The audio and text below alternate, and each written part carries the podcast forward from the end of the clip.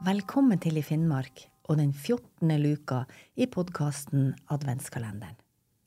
Hver morgen fremover mot jul åpner vi en ny luka i en kalender full av sagn og mystikk fra Nord-Norge. Historiene er samla inn og skrevet ned av Roald Larsen. Fortellingene er henta fra hans siste bok, Isgåten og andre oppsiktsvekkende fortellinger. Og jeg, Helle Østvik, leser direkte fra boka.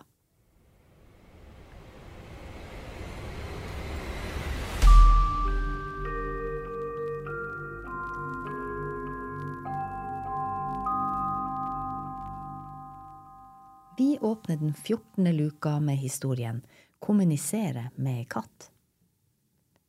Ellen Marit Sara er fra Alta og er klarsynt. Hun kan rense hus, se de døde og hva som plager folk. Og hun bruker deler av livet sitt på å hjelpe dem. Hun sier det er sterke krefter hun jobber med, men hun ser på det som Guds kraft som virker via henne. Ellen healer også både hunder og katter. Hun greier å kommunisere med dem på en sånn måte at hun får vite hva de har å fortelle. Så var det ei katt som var blitt så forferdelig dårlig. Denne hendelsen som det nå skal berettes om, skjedde i Alta-området i 2016. Katta var blitt skadd og hadde oppskrappa hud, merker på kroppen og blodige bakbein.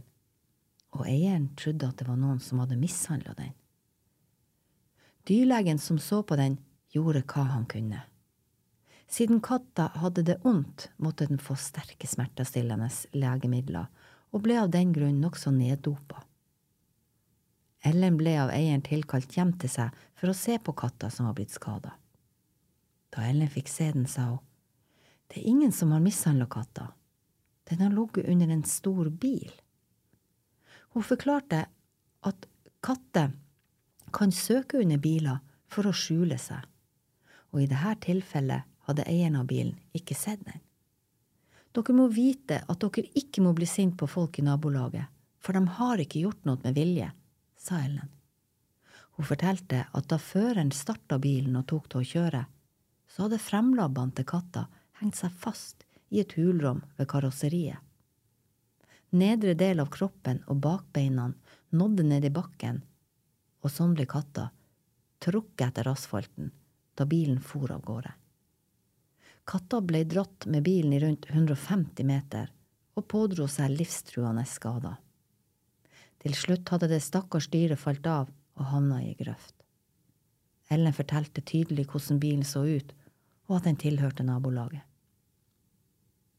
Mens Ellen var der, hilte hun katta på en sånn måte at hun tok i bruk ulike alternative behandlingsteknikker som skulle muliggjøre psykisk og fysisk helbredelse uten bruk av konvensjonelle medisinske metoder. Da hun kom hjem igjen, tok hun til å fjernhile katta ved å sende over helbredende energi som dyret skulle motta, og som skulle medføre en legende virkning. Før Ellen satte i gang med healinga, ringte hun vedkommende katteeier og sa du må følge med og se på katta, hvordan den reagerer når jeg sender fjernhealing. Etterpå fortalte katteeieren om reaksjonen til katta. Dyret hadde reist seg opp og begynte å kikke seg rundt på det tidspunktet da Ellen hadde fjernheala den. Den reagerte på energien som Ellen sendte, sjøl om helbrideren satt hjemme i sin egen stue.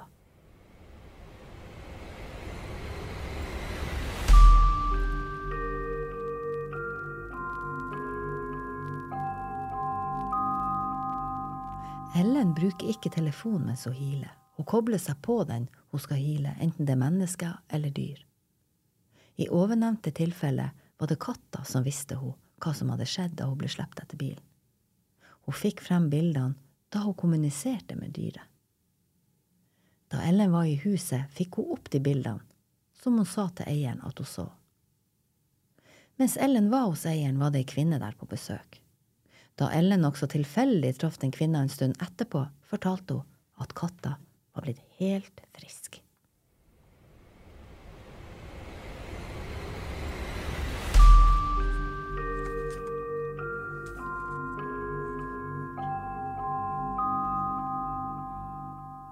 Dette var 14. luke i Finnmarks podkast Adventskalenderen.